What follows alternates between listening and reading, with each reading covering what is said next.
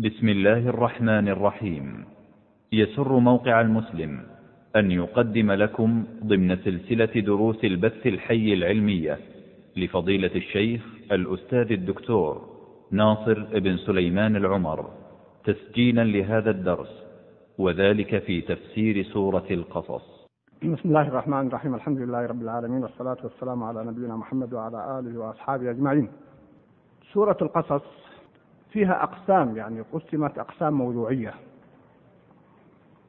وقد انتهينا من القسم الأول منها وهو ما يتعلق بقصة موسى عليه السلام.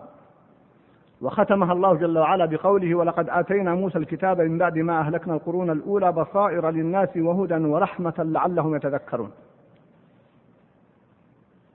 هذا ختام المشهد. بعدها وما كنت بجانب الغربي هذا إن شاء الله سيأتي في الدروس اللاحقة. بدأ الحديث للنبي صلى الله عليه وسلم. مع أيضا الإشارة إلى ما يتعلق بموسى لأنه لم ينتهي من وجه لكن انتهت كقصة. هذه القصة العجيبة بل القصص التي سماها الله القصص والسورة سميت القصص فلما قص عليه القصص تعرفون أننا بقينا معها سنة ونصف. تقريبا ما عدا وقفات يسيرة. يعني قرابة ثلاثة فصول مع هذه الآيات. وهذا هو موضوع التدبر الذي أدعو إليه وأشكر الأخوة الذين تفاعلوا مع موضوع التدبر. وقلت لكم أنني قد ألقي الموضوع هذا الأسبوع ولكن لأسباب لم يتم الأمر وأسأل الله أن ييسر إلقاءه مستقبلا. وإذا تم إلقاؤه فسأخبركم إن شاء الله. فموضوع التدبر موضوع مهم جدا. هو الذي عشنا معه بعد انتهاء من سورة يوسف وسيرة يوسف عليه السلام وعشنا معها فترة كما تعلمون قرابة سنة ها نحن الآن نعود مرة أخرى أو أكثر من سنة. ها نحن نعود الآن لسورة القصص. هذا المقطع من أول السورة تاسيم إلى هذه الآية. ولقد آتينا موسى الكتاب تمثل مرحلة ومنهجا معينا مليء بالأحكام والعبر والقصص. رأيت نظرا للطول بين البداية والنهاية سنة ونصف كما تعلمون. أي بدأنا عام 24 وها نحن الآن في عام 26 أن أمر مرورا سريعا على هذا المقطع. مشيرا إلى أبرز الحكم والفوائد والدروس والعبر. ومن أراد مزيد بيان فكل الدروس موجودة في موقع المسلم لأن البعض يسألني أين هي موجودة في الموقع وأسأل الله أن ييسر خروجها وطباعتها ولكن هذا ما يتعلق بخروجها. كما خرجت سورة يوسف لا يكون إلا بعد انتهاء السورة. وبالمناسبة بعض الأخوة يقول نحن ما نستطيع أن نقيد خلفك سواء في درس الفقه أو غيره أو تفوتنا بعض العبارات. لاختلاف الناس في الكتابة أقول الدرس ينقل في الموقع وموجود في الموقع. من فاته شيء أرجو أن لا يحرجني يرسل لي ويقول أعد. ما أستطيع لو أخذت بهذا المبدأ ما انتهينا. فأقول بإمكانه يرجع إلى الموقع ويسمع الدرس سواء في الفقه أو في الأسئلة أو في غيرها ويجد الجواب بإذن الله. أقول هذا اليوم إن تمكن أن ننهيه وإلا نكمله الدرس القادم لأنه مهم جدا. ربط أول موضوع بآخره. بمرور سريع تذكيرا لمن حضر هذه الدروس. وأيضا لمن لم يحضر لأن الدرس كما تعلمون ما نقل إلا متأخر عبر الموقع وهناك عدد يستمع لهذا الموقع وكذلك الأخوات الآن الحمد لله يحضرنا في الدار المجاورة لنا في دار فاطمة. فأعيدها باختصار تذكيرا وتنبيها وربطا لأهمية هذا الجانب وللفائدة مع إضافات يسيرة أقول مع إضافات يسيرة ما يتعلق بالموضوع. وقد اعتمدت فيما سأقوله لكم الآن على ملخص جميل لشيخنا العلامة الشيخ عبد الرحمن بن سعدي آه، رحمه الله. وبالمناسبة أرسل لي بعض الأخوة قال لي أنت تقول عبد الرحمن بن سعدي والذي أعرفه أن الشيخ محمد بن الهيمن يقول بن سعدي فأيهما أصح؟ اتصلت بأحد أفراد عائلة الشيخ ولم يرد علي إلى الآن. فقال لها وجه ولها وجه هنا ويبدو أنها من حيث اللغة ابن سعدي هو الأصح. ولكن اشتهر عند الناس وهي الأخف على اللسان الشيخ عبد الرحمن بن سعدي. وأيضا كلاهما جائز والأمر يسير وما نجعل المسألة أظنها ما تتعلق بالحلال والحرام. لكن ناحية الضبط أن الأصح ابن سعدي لكن جرت ألسنتنا وكذلك أبناء عائلته يطلق عليهم الآن عند الناس أبناء السعدي. فالأمر واسع ويسير. وجزا الله خيرا هذا الأخ على هذا التنبيه. نرجع لموضوع هذه الآيات أقول من من هذه العبر أن ما يذكر في الأمم السابقة من أهم الدروس التي نستفيدها في الأيام الحاضرة. طاسيم ميم تلك آيات الكتاب المبين نتلو عليك من نبأ موسى وفرعون بالحق لقوم يؤمنون. الخطاب لكم. ونجد أيضا لاحظوا آخر القصة طبعا. أقول القصة بمعناها ولا لم تنتهي السورة بعد. ولقد آتينا موسى الكتاب من بعد ما أهلكنا القرون الأولى بصائر الناس وهدى ورحمة لعلهم يتذكرون. أيضا هي هدى ورحمة. فهي بصائر للناس وهدى ورحمة. وهذا رد على الذين يقولون كيف نستفيد من قصة القبط وموسى؟ وهل هو شرع لنا؟ وسبق أن فصلت في هذا الأمر وقد أشير إليه في موضع إن شاء الله. إذا كيف نخرج من المأزق الذي تعيشه الأمة الآن؟ كيف نخرج من هذا البلاء؟ من أعظم الوسائل هو الرجوع إلى كتاب الله جل وعلا. وبالذات ما يتعلق بالأمم الماضية. وقصة موسى كررت أكثر ما كرر في القرآن هي قصة موسى عليه السلام. لحاجة الأمة إليها وللتشابه بين العهدين. إذا تذكرون في أكثر من موقف ووقفنا مع هذه القصة. نقول كأنها نزلت اليوم. وهذه ميزة القرآن. أيضا ذكر العلماء قال الله جل وعلا لقوم يؤمنون قالوا هم الذين لهم العبرة وهم الذين يعتبرون. أما غيرهم من غير المؤمنين فلا يعبأ الله بهم وليس لهم منها نور ولا هدى. نعم يذكر لي أحد الأخوة أنه ذهب إلى دولة أوروبية لزيارة مريض. يقول ومعه بعض أقاربه فالتقوا مع شخص من أهل هذه البلاد كان عاش في هذه البلاد وترك هذه البلاد منذ سنوات طويلة. والعياذ بالله مسخ فكره والعياذ بالله. وآثاره تدل عليه مع كل أسف. يقول ونحن جالسون يعني بحكم علاقة يبدو بينهم سابقة أنه دعاهم لمناسبة. يقول ونحن جالسون عنده في ضيافته فتحدث في موضوع يقول فأحد أقاربي على الفطرة استدل بآية من آيات كتاب الله جل وعلا. فقال أنتم إلى الآن تستشهدون بالقرآن؟ نعم. حقيقة وآثار هذا الرجل وأعماله وهي ظاهرة تدل عليه وفكره فكر ممسوخ والعياذ بالله. ولذلك يقول الله سبحانه وتعالى طاسيم تلك آيات الكتاب المبين نتلو عليك من نبأ موسى وفرعون بالحق لقوم يؤمنون. أما الذين لا يؤمنون لا يستدلون بالقرآن ولا يستفيدون من القرآن. ولهذا قال الشيخ عبد الرحمن بن سعدي أن الله يقص هذه القصص لأجلهم لأجل المؤمنين. أما غيرهم فلا يعبأ الله بهم وليس لهم منها نور ولا هدى والعياذ بالله. أيضا أن الله إذا أراد شيئا من هذه كلها إعادة للدروس بس إعادة صياغة في العبارات حتى لا أملكم. أن الله جل وعلا إذا أراد أمرا هيأ أسبابه وأتى بها شيئا فشيئا بالتدرج لا دفعة واحدة. وهذه مسألة كم وقفت عندها؟ بل إن من أعظم وأهم أسباب اختيار سورة القصص قبل أن أدخل فيها هو هذا الموضوع. لأنه لفت نظري مع طغيان فرعون وجبروت فرعون يقتل أبناءهم يستحيي نساءهم يفرقهم شيعا. ويعد الله جل وعلا ونريد أن نمن على الذين استضعفوا في الأرض ونجعلهم أئمة ونجعلهم الأوارثين ونمكن لهم في الأرض ونري فرعون وهامان وجنودهما منهم ما كانوا يحذرون وأوحينا إلى أم موسى أن أرضعيه. سبحانه. وبالتدرج وقرابة ستين سنة. قطعا أكثر من أربعين سنة.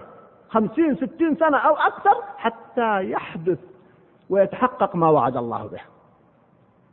وبعض الأخوة جاءني في الأسبوع الماضي. جزاه الله خيرا من الغيرة والحماس. يقول أنت إلى مدى إلى متى تعدنا بهذا الفأل نحن أصابنا المرض مما يجري. سبحان الله. والله أتعجب أيها الأحبة.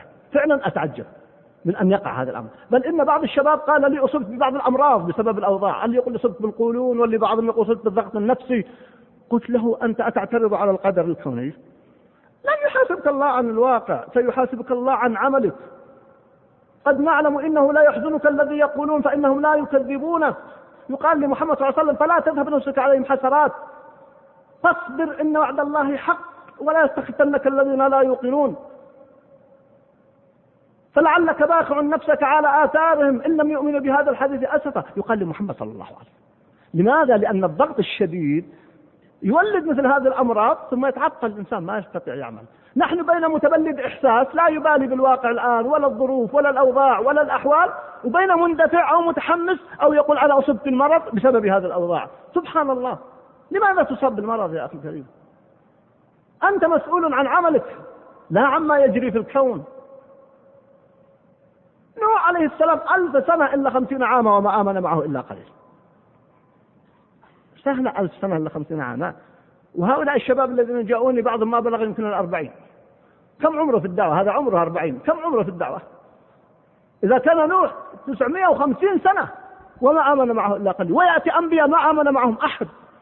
نحتاج الحقيقة ولذلك هذه القصة اخترتها مع أن القرآن كله يحتاج أن نقف معه للتدرج. أن الله حكيم عليم. لأنه يعالج واقعنا مباشرة. واقع الأمة الذي تعيشه. فهذه أيضا نحتاج إليها. وهي من الدروس التي وقفت معها طويلا ولكنه تنبيه وإشارة. من هذه الدروس أن الأمة المستضعفة ما ولو بلغت من الضعف ما بلغت لا ينبغي لها أن يستولي عليها اليأس أو الكسل عن طلب حقها ولا الإياس من ارتقائها إلى أعلى الأمور خصوصا إذا كانوا من المظلومين. كما استنقذ الله أمة بني إسرائيل الأمة الضعيفة من أسر فرعون وملئه ومكنهم في الأرض وملكهم بلادهم. مع أن الذي أصاب بني إسرائيل أعظم مما يصيبنا الآن. نعم إخواننا في العراق في فلسطين في الشيشان في أماكن أخرى يصابون ببلاء عظيم جدا بل مصابون ببلاء عظيم. لكن كل هذا ما يجوز أن يؤدي هذه السورة تدلنا على ذلك. ونريد أن نمن على الذين استضعفوا في الأرض ونجعلهم أئمة ليس فقط إنقاذ. ونجعلهم الوارثين ونمكن لهم في الأرض. ونري فرعون وهامان وجنودهما منهم ما كانوا يحذرون. وتحقق وعد الله جل وعلا. أيضا من هذه الدروس التي أخذناها أن الأمة ما دامت ذليلة مقهورة لا تأخذ بحقها ولا تتكلم به لا يقوم لها أمر دينها ولا دنياها ولا يكون لها إمامة فيها. هذه تقابل تلك. نحن بين المندفع الذي قلت لكم يريد الأيام تت... الأحوال تتغير بسنوات أو بشهور وبين ناس قد استسلموا للذل والكسل والخمول ويسألون عن أنبائكم ولو كانوا فيكم ما قاتلوا إلا قليلا. يقولون متى تنتصر الأمة؟ ماذا فعلت أنت حتى تنتصر الأمة؟ ففي هذه القصة التي مرت معنا قصة موسى عليه السلام أن الأمة المستضعفة إذا لم تأخذ بحقها وتطالب وتجاهد وتكافح فإنها تريد أن تنتظر النصر من السماء؟ الله سبحانه وتعالى قادر على إنزال النصر ولكن حكمة إلهية. لا بد من هذا الأمر فهذا يقابل هذا لا إفراط ولا تفريط. منها أيضا لطف الله بأم موسى عليه السلام.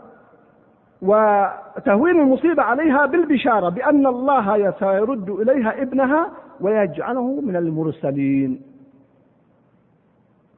أين هنا؟ الآن هذه نقطة أرجو أن ننتبه لها.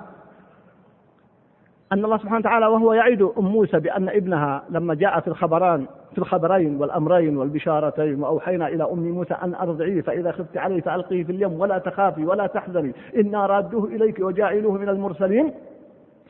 وقعت المصائب وأخذه فرعون التقطه آل فرعون ليكون لهم عدوا وحزنا. لكن البشارة عندها هون عليها المصيبة. البشارة هون عليها المصيبة. فنحن نقول إن بس التفاؤل الآن في الأمة التفاؤل الحقيقي الإيجابي ليس التفاؤل السلبي. مع الأدلة التي تدل على ذلك تخفف المصائب التي تقع على الأمة الآن. وإلا كل يوم نقرأ مصائب وقوى الكفر كيف آه، تفعل. إلى اليوم أقرأ في إحدى الصحف اليوم أخبار محزنة من هذا الجانب. لكن نتذكر قوله تعالى فاصبر إن وعد الله حق ولا يستخفنك الذين لا يؤمنون. عندما نتذكر طغيان هذه القوى المتجبرة من اليهود والنصارى والشيوعيين وأعداء الدين وتسلطهم على الأمة المستضعفين من إخواننا في فلسطين والعراق والشيشان وفي بلاد المسلمين جميعا. نتذكر ما حدث لفرعون وجبروت فرعون وطغيان فرعون. ومع ذلك تحقق وعد الله. ويا أحبة الكرام مع وعد الله جل وعلا لأم موسى عليه السلام وعليهما السلام كان استمر فرعون في جبروته وطغيانه كل السنوات حتى غرق. لا تتصوروا أن فرعون توقف. لماذا؟ حتى ما يدب اليأس في قلوبنا وهذه حكم. ولو يشاء الله لانتصر منهم ولكن ليبلو بعضكم ببعض. يعني عندما نقول الإسلام قادم والأمة منتصرة نأخذ ذلك من وعد الله ولكن بأسبابه الشرعية لكن لا يعني أن يقف البلاء.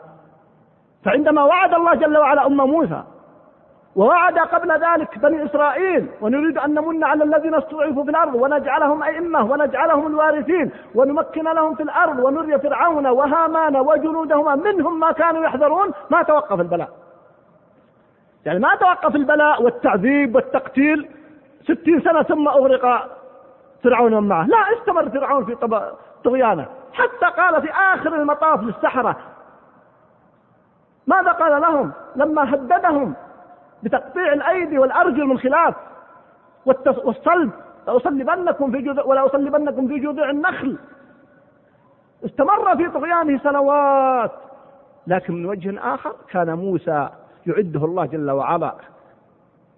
ولتصنع على عيني. وجئت على قدري يا موسى واصطنعتك لنفسي. كلها تجري من وجه آخر. وفرعون في ظلمه وطغيانه وجبروته وتقتيله. حتى ما نيأس فالذي يجري الآن من بلاء على الأمة المهم ماذا نعمل نحن؟ ماذا تعمل الأمة لهذا المستقبل الواعد؟ حتى لا تصاب بالإحباط واليأس أو الاستعجال كما ذكرت مرارا. قصة موسى تؤكد هذه الحقيقة وأن البشارة لا تعني عدم البلاء.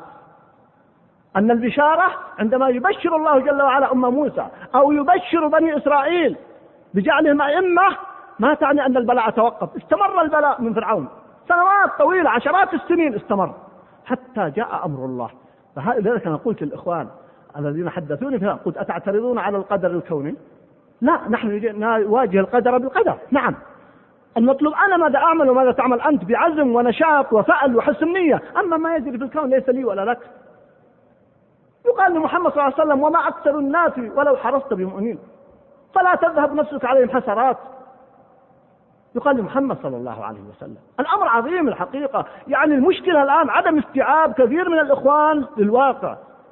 إما استسلام أو تهويل أو تفاؤل سلبي مع كل أسف لا نحن نقول ولا نشك في ذلك أن وعد الله قادم وأن نصر الله قادم وأن علينا أن نعمل ما نستطيع وهؤلاء لا يستغرب أن يعملوا ما يعملون. هل ينتظر من الكفار من أعداء الدين إلا أن يفعلوا ذلك؟ ما يستغرب منهم ذلك. أيضا منها أن الله جل وعلا يقدر على عبده أو على بعض عباده بعض المشاق من أجل أن ينيله سرورا أعظم من ذلك وأن يرفع عنه شرا أكثر. يعني أم موسى مع كرامتها على الله جل وعلا ينالها هذا البلاء ليرفع الله من مكانه. بل موسى عليه السلام ينال هذا البلاء حتى هدد بالقتل وحتى ذهب غريبا ليرفع الله من مقامه ومن مكانه. ويعقوب عليه السلام كان في وقت لا يوجد على ظهر الأرض من هو أكرم من يعقوب عليه السلام في ذلك الوقت. ويبتليه الله جل وعلا بابنه يوسف عليه السلام ثم بابنه الثاني بل بأبنائه. لماذا أقول لكم بأبنائه؟ لأنه لو أن الذي أخذ يوسف غير أبنائه أخف من إذا أخذه أبنائه فهي تصبح البلية مشتركة. أبنائه كلهم أما مفقود وإلا شريك في الأمر. وهذه يعني هذه مصيبة بحد ذاتها. الواحد منكم إذا رأى ابنه أو أخاه عنده تقصير ألا يؤلمه؟ فيعقوب عليه السلام ما نقول إنه ابتلي بيوسف فقط بل ابتلي بجميع أبنائه. فريقين يوسف وبنيامين حدث لهم ما حدث. بقية الأبناء كانوا شركاء فيما حدث. وما حدث منهم في مع أبيهم. تالله تبدأ تذكر يوسف وما حدث من قصة. فهي بلاء عظيم وهو أكرم الخلق على الله في زمانه. وهو الكريم ابن الكريم ابن الكريم عليه وعلى نبينا وعلى آبائه أفضل الصلاة والتسليم. لماذا؟ ليرفع الله من مقامه ومن منزلته. فيا أخي الكريم قلت لعدد من الأخوة لما يأتون يشتكون قلت لهم ألا تحبون أن يكون لكم أجر خمسين أو سبعين صحابي؟ لما قال النبي صلى الله عليه وسلم ليس رأيت إخواني. قالوا أليس إخواني قال أنتم أصحابي إخواني الذين لم أرهم بعد. ثم جاء في الروايات والأحاديث هم القابضون على الجمر. قال لهم أجر خمسين أو سبعين. قالوا منا أو منهم يا رسول الله. قال منكم.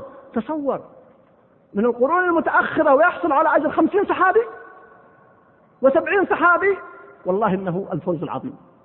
لكن من هو الذي فعلا أهل لهذا الأمر؟ فالله سبحانه وتعالى يبتلينا ولو يشاء الله لانتصر منهم لأهلك الأعداء في مشارق الأرض ومغاربها. ولكن ليبلو بعضكم ببعض ليرفع من مقامكم. فلا تحرموا أنفسكم هذا الخير. صحيح أنه يحزننا ما يقع يؤلمنا ما يحدث لكن وما أدراك أن الله أراد بك خيرا. ليرفع من مقامك ومن منزلتك ليرى جهادك وصبرك وبلاءك وصبرك على الأذى وحسن النظر وبعد النظر وعدم الاندفاع أو التنازل كما يحدث الآن أو التشاؤم واليأس. والله جل وعلا غني عنا جميعا. فإذا ما يحدث هنا وأيضا لنسر بإذن الله إن حدث هذا في الدنيا سرورا عظيما بانتصار هذا الدين وإن جاءنا الأجل قبل الانتصار فإننا نجد بإذن الله ذلك أمام الله جل وعلا وعند الله جل وعلا. فهذا فضل عظيم تعطينا إياه هذه السورة من هذه الدروس العظيمة. وأيضا من هذه الدروس التي أخذناها ووقفنا عندها الفراسة فراسة امرأة فرعون لا تقتلوه. لما تفرست في موسى وهو رضيع وقالت امرأة فرعون لا تقتلوا عسى أن ينفعنا أو نتخذه ولدا وقالت امرأة فرعون قرة عين لي ولك لا تقتلوه عسى أن ينفعنا. فهي فراسة منها. وكذلك فراسة ابنة صاحب مدين لما قالت استأجره وإن خير من استأجرت القوي الأمين. نحتاج إلى هذه الفراسة. نحتاج كل واحد منكم يكون عنده فراسة في ابنه الصغير. كل مدرس فراسة في ابنه وتلميذه في المدرسة في الحلقة. وما يدرك أن هذا الابن هو الذي سيكون الإمام. ألم يكن كبار العلماء كبار علماء الأمة من المتقدمين والمتأخرين ألم يكونوا أطفالا؟ بل الأنبياء ألم يكونوا صغارا في عمرهم وهم كبار في مقامهم؟ ومع ذلك فراسة وكذلك فراسة في الأكبر كما حدث من موسى ابنة صاحب مدين تفرست فيه. قالت إحداهما يا أبتي استأجره لا يفوتك. إن خير من استأجرت القوي الأمين. فراسة في نرى من بدأ الآن عنده شيء من العلم والخير ننتبه له ونعتني به ونربيه لعله أن يكون إماما ويكون لك هذا الإمام. ولذلك يقال إن الغلام في أصحاب الأخدود حسنة من حسنات الراهب. لأن الراهب تفرس فيه وهو يمشي في الطريق ما جلس معه. لكن لاحظ من مشيته ومن اختيار الملك له. نعم بل إن الملك عندما اختار وتفرس فيه أنه ذكي وفعلا هو ذكي. لكن الملك أراد أن يكون ساحر. والراهب أراد أن يكون إماما وهذا الذي حدث. فتستطيع أن تتفرس أحيانا في بعض تلاميذك في بعض أبنائك في بعض إخوانك. وتعتني به كما اعتنى الراهب بالغلام. وما الذي حدث؟ أنقذ الله به أمة وهو غلام. وهو غلام. الأمة تحتاج الآن إلى هؤلاء. تحتاج إلى أمثال هؤلاء القادة. ولذلك من المعاصرين أعرف ولا أريد أن أسمي عدد من مشايخنا السابقين تفرس في بعض أئمتنا المعروفين وكان تفرسهم في مكانه. كانوا صغار في الدرس عندهم في الحلقات. فتفرسوا فيهم فقربوهم لا محاباة ولكن إعدادا للأمة وحدث ما حدث. لأنه كل شيخ ما يمكن أن يكون كل طلابه أئمة. يكونوا من أهل الخير يكونوا علماء قد بعضهم يترك لكن قد يكون منهم واحد أو اثنين أو ثلاثة أئمة. قد يكونوا علماء ككبار أئمتنا وعلمائنا ومشايخنا مشايخنا في الحاضر وال. إذا هذه من سورة القصص تعطينا جانب الفراسة وكل هذا قد أشبعته وقفة ولكنها تذكير كما قلت أيضا أن الخوف على نوعين خوف طبيعي جبلي وخوف يؤثر في الإيمان. وقد بينت هذا تفصيلا ولحساسيته يصعب أن أعيده.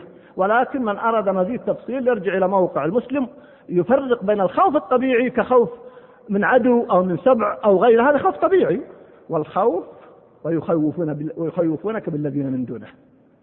الذين قال لهم الناس إن الناس قد جمعوا لكم فاخشوهم. ماذا حدث؟ فزادهم إيمانا. فلا تخافوهم وخافوني. المشكلة ليست في قضية الخوف الطبيعي. المشكلة في الخوف من غير الله. ويخوفون بك بالذين من دونه. هذا يخوف في أمريكا هذا يخوف من اليهود. هذا يقول لا طاقة لنا بجالوت وجنوده. وحتى دخل الوهن والرعب مع كل أسف في قلوب بعض المسلمين حتى بعض الصالحين.